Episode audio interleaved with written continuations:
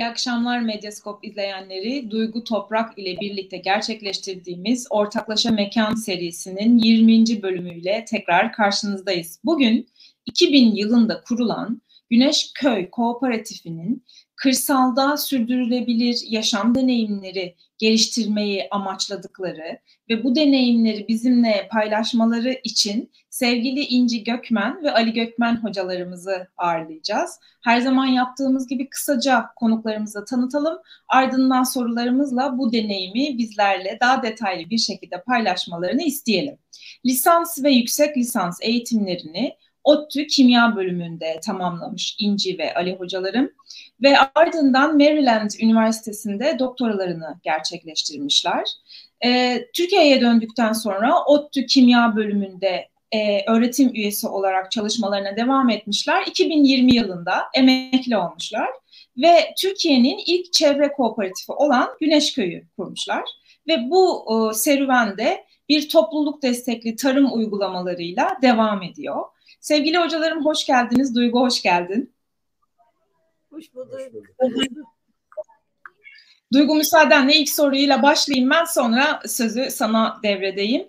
Ee, ekolojik tarım yapan, ekolojik üretici ve tüketici arasında iş birliği kuran ve kar amacı gütmeyen bir kooperatif Güneşköy ve Kırıkkale'nin Yahşihan ilçesine bağlı Hisarköy'de 75 dekarlık bir arazide de sürdürülebilir yaşam deneyimleri biriktiriyor ve paylaşıyorsunuz. Tabii burası taşlık, e, daha önce tarım yapılmamış bir araziyle yola çıktığınızı biliyoruz. İsterseniz bize bu hikayenin kendi içerisindeki zorluklarından, meşakkatlerinden bahsederek başlayalım. Buyurun. Şimdi hikayenin biraz daha baş tarafı var. İsterseniz kısaca ondan da bahsedeyim. Biz ODTÜ'de öğretim üyesi olarak çalıştık ama öğrenci topluluklarıyla, derneklerle çok sıkı bağlantımız oldu. Güneşköy projesinin başlangıcında da yine bu dağcıların, dağcılık ve kış sporları kolunun ilk adımı atması bizi bu yola getirdi. O zaman e, Hocamköy projesi 1996 yılıydı değil mi? Evet. 96 yılında bir girişim oldu. Yine Kırıkkale'nin e, Hasan Dede beldesinde e, çok güzel çalışmalar yapıldı. İşte öğrencilerimiz, akademisyenler e, birlikte başladık. Fakat e, kesildi proje. E, bir arazi tahsis edilmişti. O arazinin e, tahsisi kalkınca orası bitti. Ama bitmedi. İşte Güneşköy onun devamı olarak e, bizler o deneyimi e, Güneşköy'de devam ettirdik. İnci sen istersen e, taşları bu, biraz anlat. Burada hani şu iyi bir şey oldu. Tahsisle bu iş olmuyor. Arazi alalım dendi ve hazineden e, bu sizin de dile getirdiğiniz 75 dönümlük arazi satın alındı. E, ve e, yola öyle çıkıldı e, ve taşlık bir araziydi. E, bu bir bakıma da şans çünkü e, orası kirletilmemiş, e, temiz e, taşlar toplandığı, e, temizlenmesi ve canlandırılması söz konusuydu. Dolayısıyla yeni bir şeyin hani oluşumun canlanması, hani bir çocuk çocuk sahibi olmuş gibi hissettik açıkçası. Ee, canla başla öğrencilerimizle böyle zaman zaman 50-60 kişi giderek taş topladık. Ve hakikaten şu an yaşayan bir yere dönüştürdük orayı. Çok tabii keyifli bir süreç. Evet, e, yani bu kuruluş aşaması e, tabii ki bir, e, ne kadar sürdü? 2002 yılında biz almıştık. Ee, daha sonra çeşitli e, temaslarımız oldu tabii e, bu tür girişimlere olan Buğday Derneği ile tanıştık o sıralarda. Evet yani çünkü hani sürdürülebilir bir hale getirmek için de ekonomik bir şey girmesi lazım. Yani belli bir şeyler oluyor. Aidatla o yürümüyor. Onun üzerine İstanbul'a geldik. İşte o sırada Buğday Derneği de bu topluluk destekli tarımı uyguluyor ilk olarak. Ondan sonra o tarihte Viktor da hayattaydı. Viktor ve Güneş'in bize bütün bu topluluk destekli tarımın inceliklerini anlattılar, dokümanlarını verdiler ve biz geldik. İşte yönetim kuruluna ikna ettik böyle bir şey deneyelim diye. Sonra da topluluk destekli tarıma başladık. Ee, çünkü hani güzel bir şey e, bu topluluk destekli tarım ve e, yani 16 sene kadar da bunu sürdürdük. Ee, son bu seneye kadar e, orada bir kopma oldu. Çünkü çok iyi çalışan, güvendiğimiz, toprağı seven bir çiftçimiz vardı. O işte geçtiğimiz Ocak ayında bir bypass ameliyatı olması gerektiği çıktı ve e, ara yani bıraktı e, ve biz onun yerini dolduracak bir çiftçi bulamadık. Ama başka bir şey çıktı. yani çünkü bu da sürsün istiyorduk. Sürdürülebilirlik çok e, esas. E, bizim e, göl başında dostlarımız var. Organik tarım yapan Moni Bostan diye bir e, oluşum. Yaklaşık göl başındaki arazileri 20 dönüm kadar Onlara gitti. Onlarla işte dedik ki ya hani böyle bir topluluk destekli tarım var. Ee, biz bunu şu kadar zamandır sürdürüyoruz. Hani burada denemek ister misiniz? Onlar da e, denemeye evet dediler ve bu, sene e, onların arazisinde ürünler yetişiyor. Biz de destek oluyoruz. Yani e, onların hani nasıl olacak, destekçilerle teması olacak falan. Çok da keyif alıyorlar. Hatta şey dediler ya bu sanki şehirde birilerine bir armağanlar hazırlıyoruz haftada iki kere. E, o şekilde sürüyor. Yani kopmamış olduğu zincir. Biz de mutluyuz bunu sürdürdükleri için. Yani burada bir el verme oluyor. Hani e, Buğday Derneği bize el verdi. Biz yıllarca devam ettik. Tabii çok etkileri oldu bunun sadece e, tarım diye geçmemek lazım değişik boyutlarda. Biz de onlara verdik. Onlar belki başkasına verecek. Yani bu iş öyle e, paylaşma e, çok esas birbirine aktarma.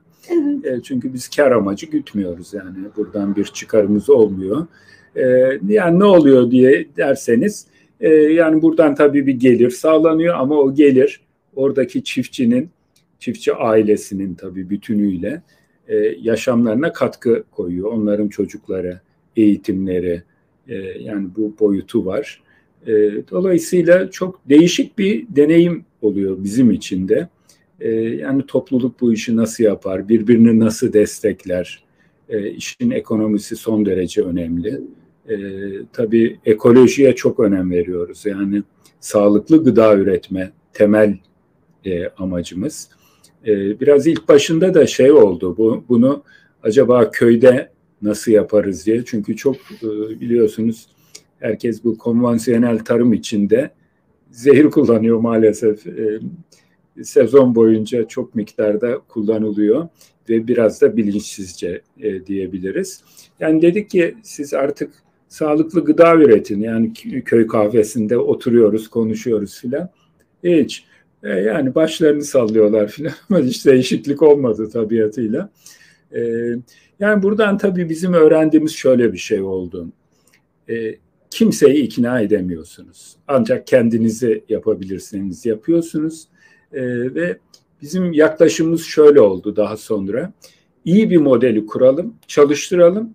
Bunun içine köyden çiftçileri koyalım, görsünler e, nasıl yapılıyor. İşte ekonomisi nasıl kuruluyor, pazar bağlantıları nasıl oluyor.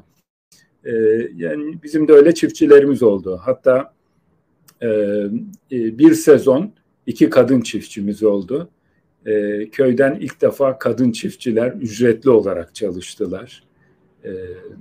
Yani orada da böyle kadınları eleştirdiler. Özellikle erkekler, kadınlar çalışır mı falan diye. Ama kadınlar çok kararlı çıktı. Yok dediler biz çalışacağız gerçekten onlar bu işi çok iyi yapıyorlar. Yani asıl üretim kadınların omuzunda e, ve öğrendiler bu işi. E, işte bağlantıların nasıl kurulacağını, sertifika alma, o sırada organik sertifika almadan pazara çıkılmıyordu. Hala da öyle aslında. Organik, organik pazarlar öyle. Organik pazarlar öyle. Bir sene çalıştıktan sonra da o bizimle çalışan çiftçiler artık kendileri organik ürünleri Ankara'daki iki organik pazara götürüp satıyorlar. Çok da memnunlar. Ama hani biz istiyorduk ki bütün köy öyle olsun. O olamadı. Yani bir bir şekilde. Ee, ama e, hani e, şey tabii bu ekonomik açmazla da şeye biz ümit ediyoruz bu zehirleri alamayacaklar. Çünkü hani bir yandan da çok pahalı. Ee, yani e, böyle de bir şey var geldiğimiz noktada. Ee, yani ben İnci'nin söylediğine bir şey ilave edeyim. Hani pahalı alamıyorlar filan ama e, kadınlar bize şunu söylüyor e, bu iki kadından e, biri özellikle.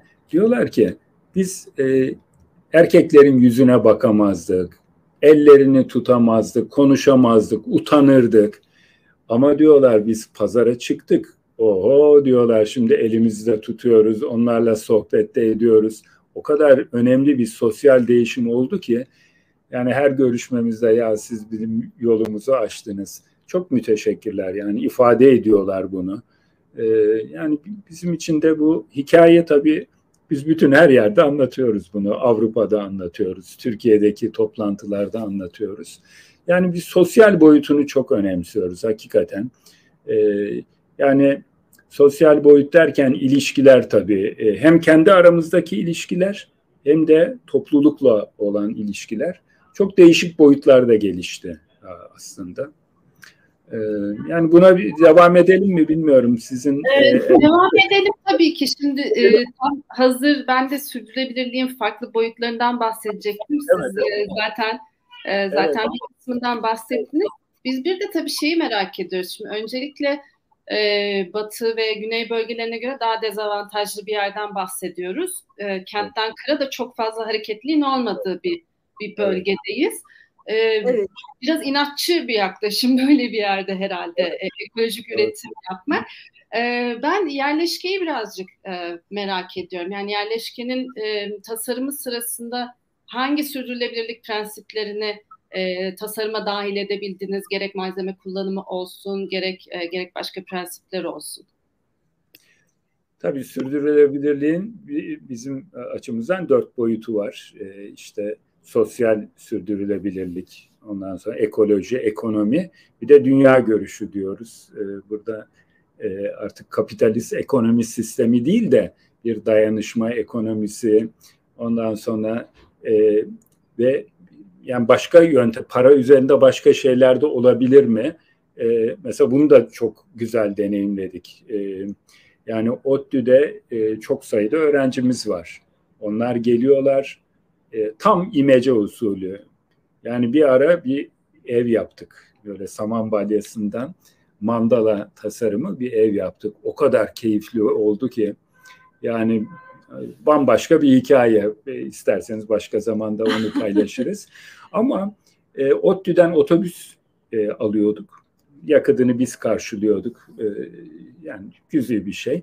Ama otobüs dolusu insanlar her hafta sonu gidiyorduk oraya. Birlikte çalışıyorduk, yemekleri birlikte yapıyorduk filan böyle müthiş bir e, zenginlik. Yani bunu o kadar maliyeti düşük imal ettik ki e, yani sadece malzeme parası diyebilirsiniz. Ama sadece öğrenciler değil. Mesela köyden çok iyi bir kerpiç ustası var. Geldi bize yardım etti. Çok böyle işine sahip bir marangoz var geldi bize yardım etti. Tam yani bir imece usulü.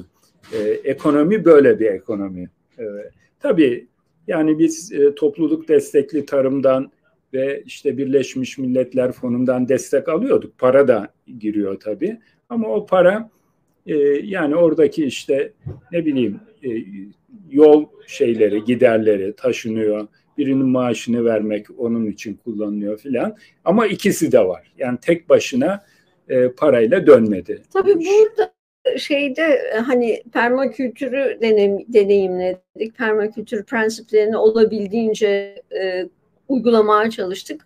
Tarımda da agroekolojik yöntemleri olabildiğince kullanıyoruz. Yani bu işte bütüncül yaklaşmak yani sadece tarım ve ürün değil işte e, doğanın diğer bireylerini de düşünmek, toprağı da düşünmek, suyu da düşünmek, orada çalışanları da düşünmek daha bir böyle bütüncül e, yaklaşım. Tabii şehir ayağını da düşünmek.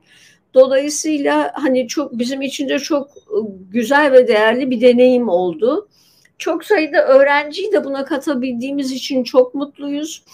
Ee, Birleşmiş Milletler projeleri yaptık. Ali de e, sözünü etti. SGP diye bir e, küçük destek programı var Birleşmiş Milletler'in. Oradan bizim üç, üçüncü projemiz şu an çalışmakta. Mesela bir biyoyakıt projesi yaptık. Bu e, biyoyakıt projesinde de e, biyodizel değil de doğrudan yağ yakan bir traktörümüz oldu. Türk traktör ortaklarındandı projenin ve yağ bitkisi yetiştirdik. Yaklaşık iki sene öyle bir traktörü e, deneyimledik, kullandık. Hani orada da amaç şey değil, hani biliyorsunuz biyoyakıtlar da gıdayla rekabet ediyor. Biz onu istemiyoruz. E, projeyi e, şey yaparken şöyle dedik. Yani çiftçi arazisinin yüzde onunda bu yağ bitkisini yetiştirsin ve o onun tarım faaliyetleri için gerekli olan yağ sağlasın. Zaten amaç da o yağ direkt kullanmak. Herhangi bir kimyasala bir işleme şey yapmadan e, bir atık da üretmeden böyle bir projeydi. Daha sonra 2019 yılında e, gençler iklime dayanıklı yaşam oluşturuyor diye bir proje yaptık. E, işte üniversite öğrencileri çoğunluğu ODTÜ'den ama diğer üniversitelerden de öğrenciler vardı. Onda da öğrencilerle e, şeyde arazide kamplar yaptık. Onlara işte bu topluluk destekli tarım nasıl olur, köyle ilişkileri gösterdik falan. O da gerçekten çok e, keyifli oldu. Yani böylelikle de e, üniversite öğrencilerinin mezuniyette farklı bir şey dünya olduğunu gözlemlediler. Bizim işte küresel ekoköyler ağ vardır GEN Avrupa. Güneşköy onun da üyesi ve e, bu kapsamda da e, çok sayıda genci Avrupa'daki ekoköylere yollamamız mümkün oldu. Bu bazen bir haftalık, bazen işte üç aylık, bazen de bir senelik deneyim şeklinde oldu. Orada da böyle çok farklı bir alan gördüler ve dünya görüşü dediğimiz şey onlarda da bir değişti gördüğümüz kadarıyla. Başka bir dünya mümkün olduğunu görüyorlar çünkü. Hani e, bu da güzel bir tecrübe. Bu gen üyeliğini de önemsiyoruz. İşte pandemiye kadar da hemen her gen toplantısını gidip Güneşköy'de temsil etmiştik açıkçası. O da aslında e, ekolojik bir yaşam nasıl mümkün, nasıl paylaşım e, olabiliyor, insanlar şehirlere alternatif oluşturabilirler mi? E, bunu deneyimliyorlar. Avrupa'da yani bütün dünyada var eko köyler ama Avrupa'da da çok yaygın, sayıları da artıyor ve e, gerçekten de hani bir takım bu şeylere, prensiplere uygun yaşamaya çalışan çok sayıda dostlarımız oldu. E, özellikle Avrupa'da. E, gençlerin de bunu görmesi çok önemli doğrusu. Hani şu an sunulanın ötesinde başka bir şey de var, başka bir dünyada var. Belki sayılar ama az ama ama her şey önce tabii küçük sayıda başlıyor. Ondan sonra bakıyorsunuz bu tutuyor e, ve sayı çoğalıyor. Böyle bir alternatif oluşturuyorlar. Yani öyle bir ümidimiz var. Ona inşallah bir şey olur, katkısı olur e, diye düşünüyoruz. Şimdi e, ben İnci'ye şunu ilave edeyim söylediklerini. E, tabii ekoköyler e, insan toplulukları biraz böyle e, amacı olan e, e, intentional community deniliyor e, şehirde yaşayan insanlar toplanıyorlar. Bir ortak yaşam oluşturuyorlar özellikle kırsalda. E, Güneşköy tam öyle olmadı maalesef. Çünkü biz çalışıyorduk üniversitede. E, biz hafta sonları işte hafta içinde bazen ama neredeyse her hafta gidiyorduk oraya. Hala da gidiyoruz. E, tek başına değil bir grupla e, gidiliyor. E, Ve bizim arzumuz da tabii bir şekilde oraya yerleşmekti. Ama şimdi emekli olduk aslında gidebiliriz herhalde o aşamaya geldik. Eğer yaşanırsa gerçekten e, orada bambaşka bir enerji olur. Onu biliyoruz. Yani olacağını biliyoruz. Maalesef Türkiye'de de tam böyle yerleşip de bir ekoköy topluluğu oluşamadı. Yani öyle tabii aileler var. iki kişi gidiyor. Bazen o iki kişi de ayrılıyor, tek kişi kalıyor filan. Türkiye'de biraz e, topluluk oluşturmanın zor olduğunu gördük. Ortak yaşam zor. Yani Türkiye için zor. Yurt dışında Aslında yapılıyor. bu enerji istiyor. Yani bu konuda da e, çaba konulması, bunun yollarının öğretilmesi gerekiyor. Ben mesela bunu şunu düşünüyordum. Ben beş kardeşi olan bir ailede büyüdüm. Ay işte Ali'nin üç kardeşi vardı ama bizim bir çocuğumuz var. Yani birdenbire o paylaşma işte şeyi kültürü ailede oluşamıyor artık. Yani e, dolayısıyla öyle bir farklı bir şey var. Yani bu ortaklıklar arkadaşlarınızla olabilir ancak e, onun yolları için de tabii e, batıda çok çaba var. Yani nasıl işte bir çatışma nasıl çözülür?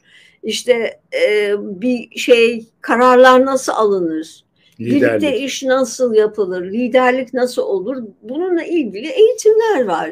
Mesela Gen bu küresel ekoköyler ağı e, ekoköy tasarım eğitimi diye eğitimler veriyor senelerdir. Hem bu katılımcı olabiliyor yüz yüze hem online e, programları var.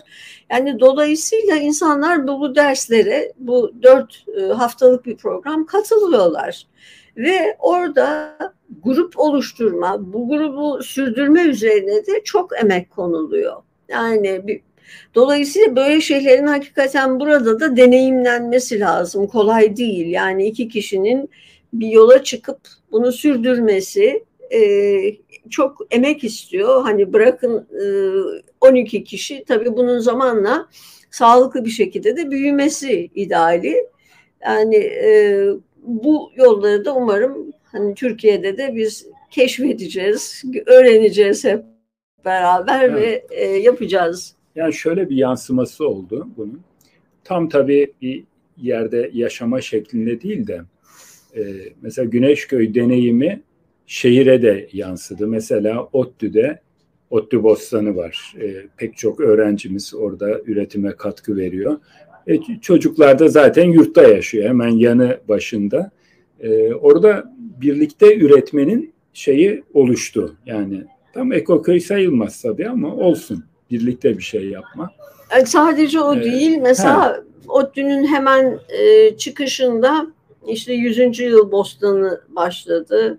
Çiğdemim Derneği'nin bir bostanı oldu. Ee, sanırım Çay yolunda öyle bir bostan girişimi oldu. Yani dolayısıyla böyle şeyler duyuldukça yayılabiliyor ama hani bunun bir seferlik, üç seferlik değil de böyle bir sürdürülebilir bir şey olması, yani sürdürülmesi e, önemli bir boyutu diye düşünüyoruz biz. Tabii Türkiye'ye özgü olmamakla beraber yine de hani burada daha sık galiba karşılaştığımız problemler de e, var. Bu gibi e, toplulukların sürdürülebilirliğini düşündüğümüzde biz bahsi geçen bazı topluluklarla da iletişim içerisindeyiz, çalışmalarını takip ediyoruz. Ve onlara da yönelttiğimiz bir soru çünkü bunun da paylaşımın önemli olduğunu düşünüyoruz. Yani deneyimlerin aktarımında zorluklarla nasıl başa çıkıldığı ve bazen nasıl başa çıkılamadığı. E, biz e, 2014 yılından başlayan sizin bir e, bir zorluğunuz olmuş. E, onu da merak ediyoruz. Bu Ankara-Sivas tren hattı için bir e, arazinizin bir bölümü istimlak edilmiş ve bu hani hem arazi kaybı hem bir arazinin bölünmesi galiba ortasından geçiyor. E, hem de tarımsal üretime tabii ara vermek zorunda kalmışsınız. Birazcık bu süreci nasıl atlattınız? Orada yaklaşımınızı değiştirmeniz gereken e, şeyler oldu mu paylaşabilirseniz? Ay, şimdi biz bir, bunu duyunca tabii çok üzülmüştük. Yani bir tren yolu, Sivas-Ankara hızlı tren yolu tam da bizim arazimizin ortasından böyle viyadüklerle tepemizden e, geçiyor. Ve şey e, gen toplantısına gitmiştik hatta e, bunu çok takip eden günlerde dedik ki ya kanser oldu bizim arazimiz. Arkadaşlar bize çok şey dediler ki yok öyle demeyin. Siz şey yapın yani hiçbir şey olmamış gibi e, sürdürün. Ya gerçekten o böyle çok dönüm noktası oldu. Şimdi mesela koskoca bir viyadük yapıldı. Böyle bir sürü ayak var bizim şeyin ortasında. Emin olun biz araziye gittiğimizde onları hiç görmüyoruz. Görmüyoruz. Tabii inşaatın yoğun olduğu dönemde bir iki sene ara verdik. Çünkü böyle toz, toprak, bir tepemiz vardı o yok oldu. Koca inşaat düşünebiliyor musunuz? 90 metrelik şeyler yapıldı.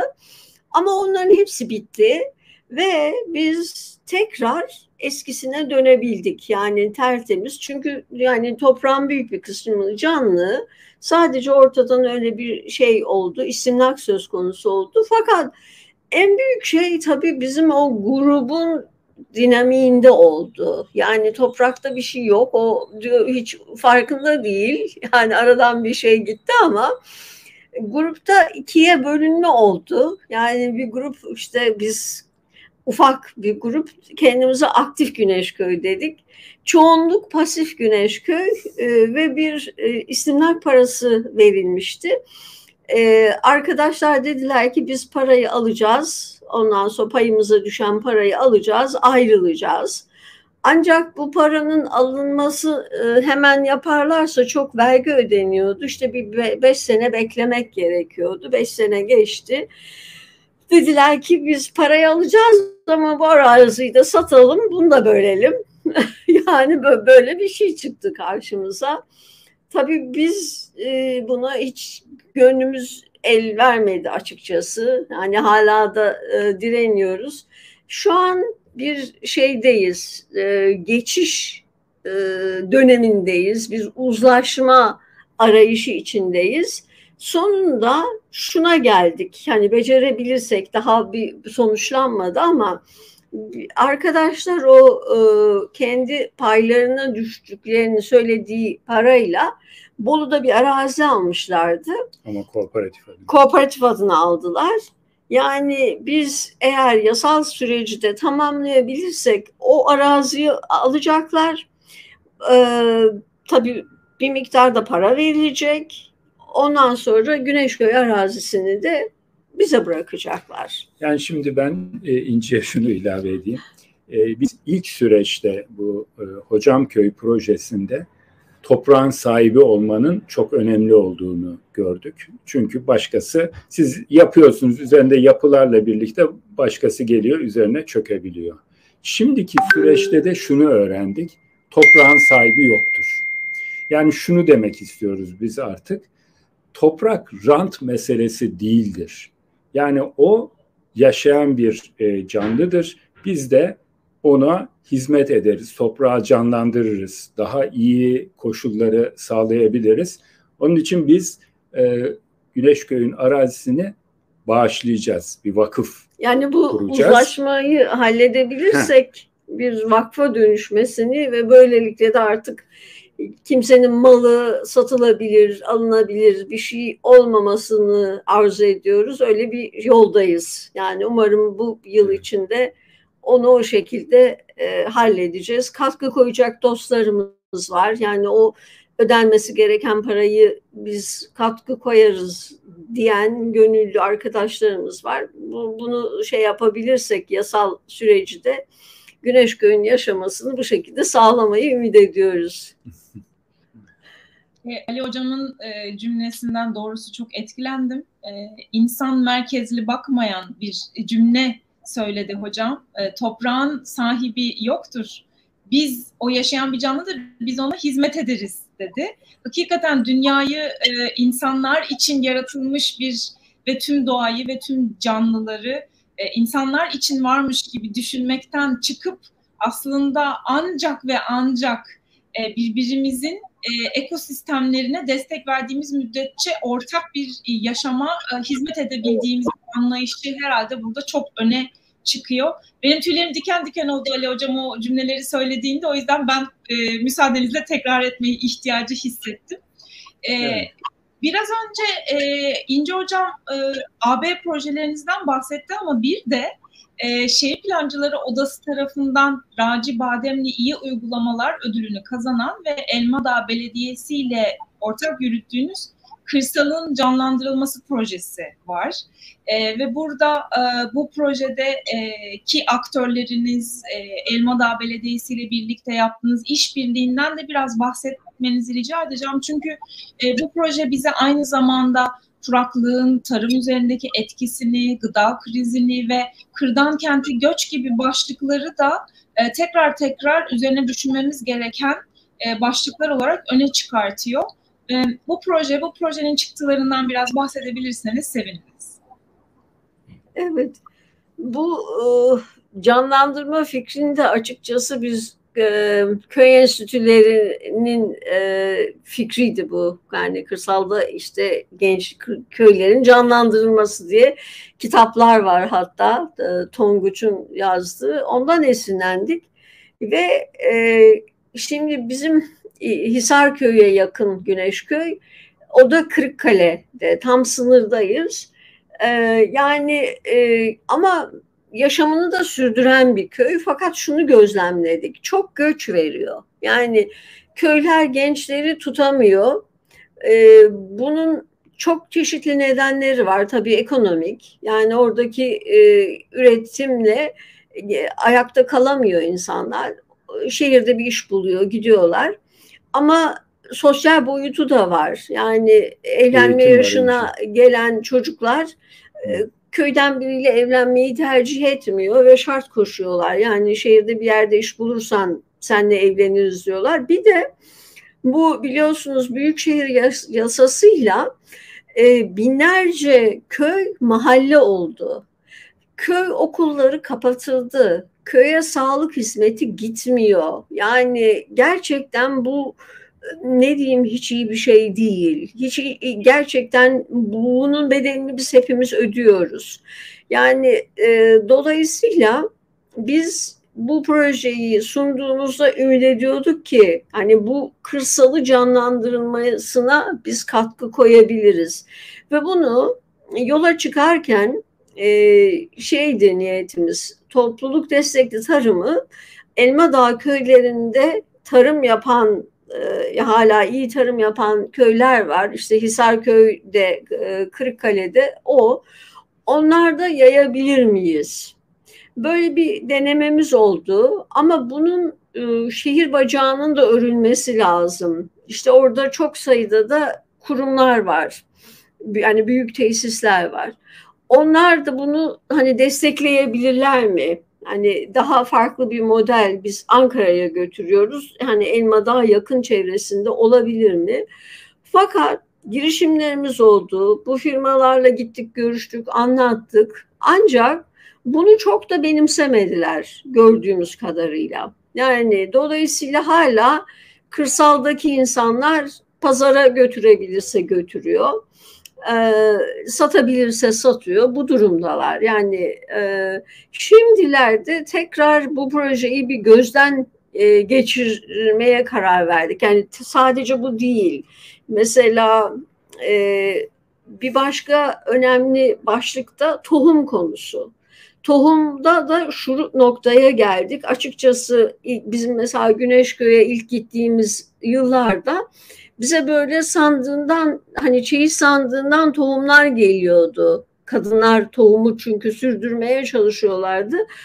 Ama artık gelinen noktada o, o, o da pek kalmadı. İnsanların büyük bir kısmı fide alıyorlar. Ve hani ne olduğu belli olmayan fideleri bu, bunun da iki boyutu var. Yani hem bir, bir iki üç ay siz o tohumu ekeceksiniz, bakacaksınız çıkmazsa bir daha e, sonra bir şey ürün elde edebilir misiniz? Böyle bir şeyi e, göz önüne yani o riski almak istemiyorlar. Bir de şehrin zorlaması var. Yani köy ürünü bazen standart boyda olmuyor. Domates mesela şu kadar da oluyor, şu kadar da oluyor.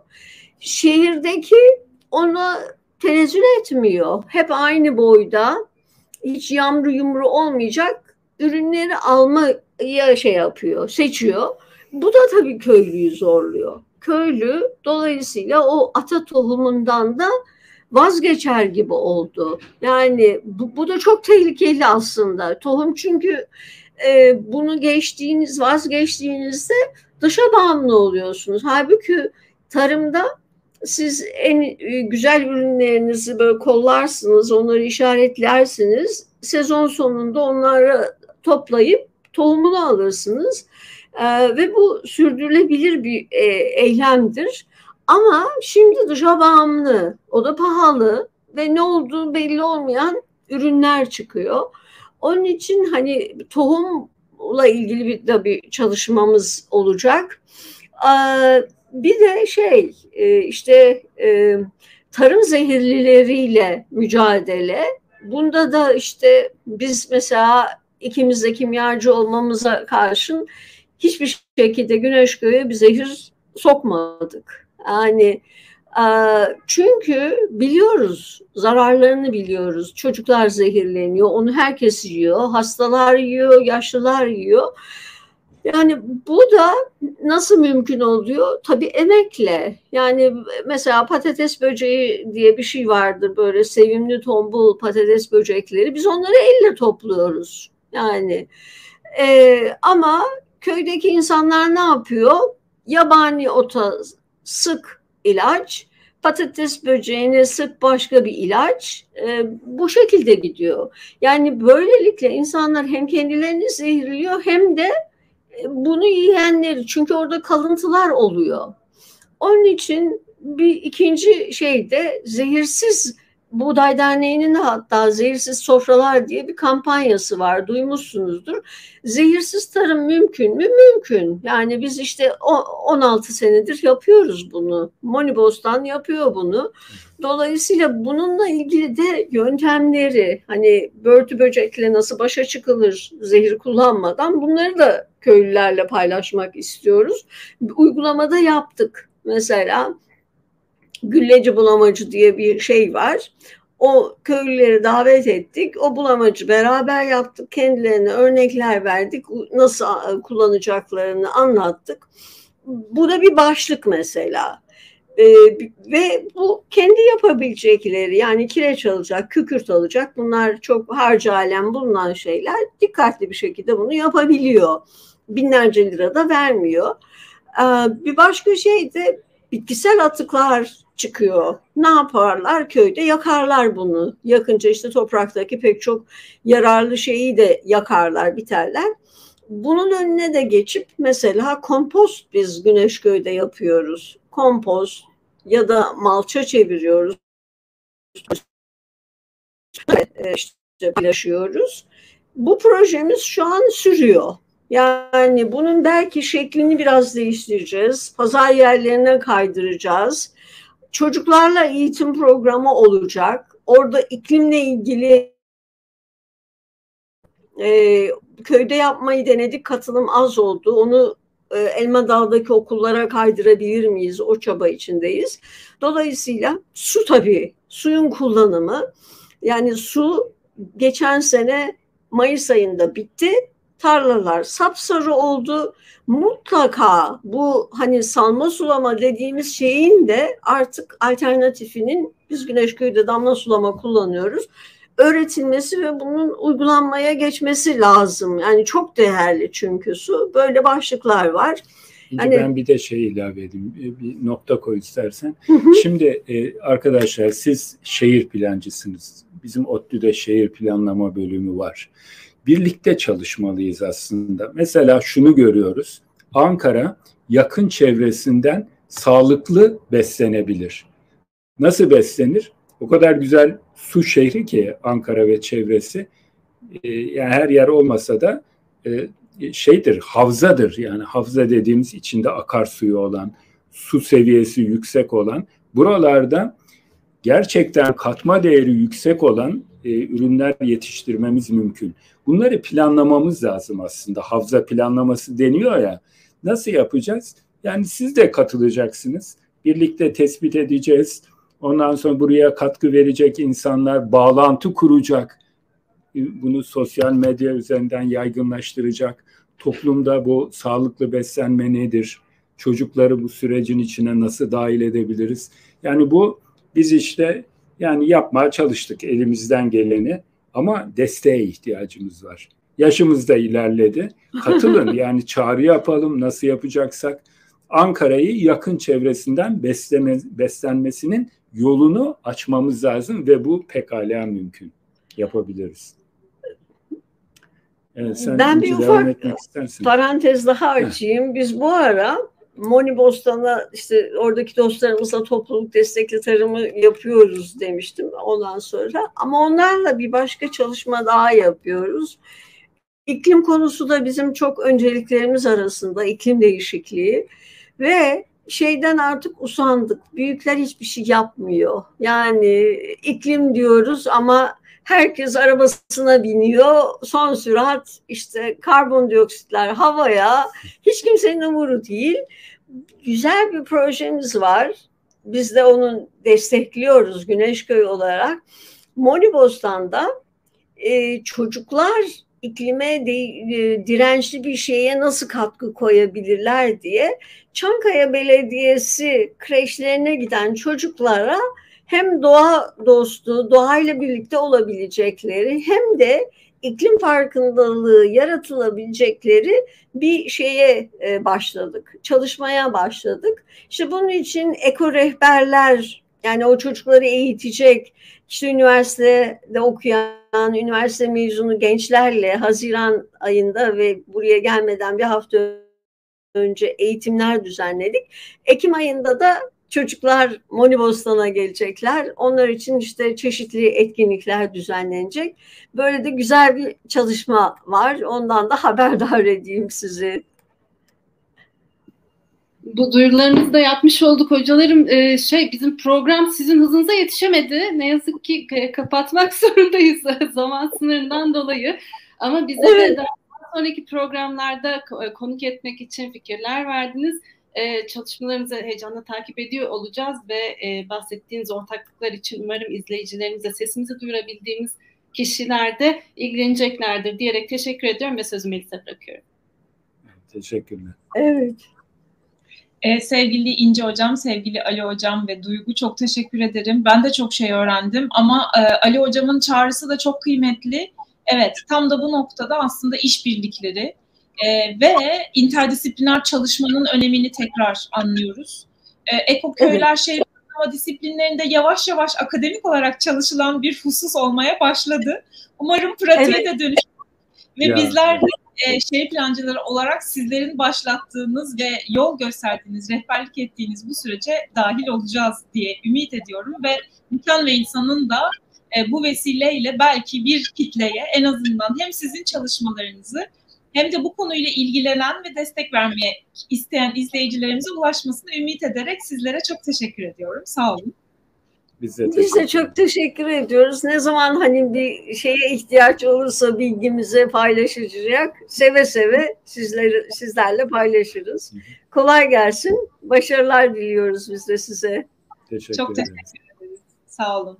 Gelecek hafta pazartesi Mekan ve İnsan'ın 225. bölümünde Derya Güleç, Ceylin Yıldırım ve Nihat Ece ile bisiklet rotalarının raylı ulaşım sistemine entegrasyonu ile ilgili çalışmaları üzerine bir sohbet gerçekleştireceğiz. Geçmiş program ve çalışmalarımız ile ilgili Mekan ve İnsan'ın YouTube kanalına abone olabilir. Ortaklaşa.org adresini ziyaret edebilir. Instagram, Facebook ve Twitter hesaplarımızı takibe alabilirsiniz. İyi akşamlar.